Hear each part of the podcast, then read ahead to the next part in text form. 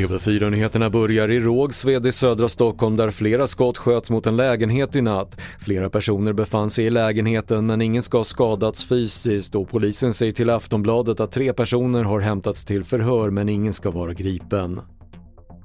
I Argentina har en man gripits efter att vicepresidenten Cristina Fernandez de Kirchner utsattes för ett mordförsök i natt. I ett klipp på Twitter syns en pistol riktas mot Kirchner utanför hennes hem där hundratals samlats för att protestera mot den korruptionsanklagade vicepresidenten.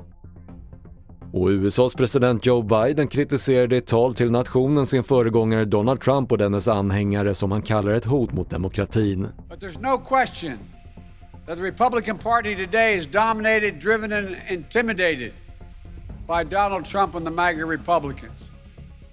And that is a threat to this country.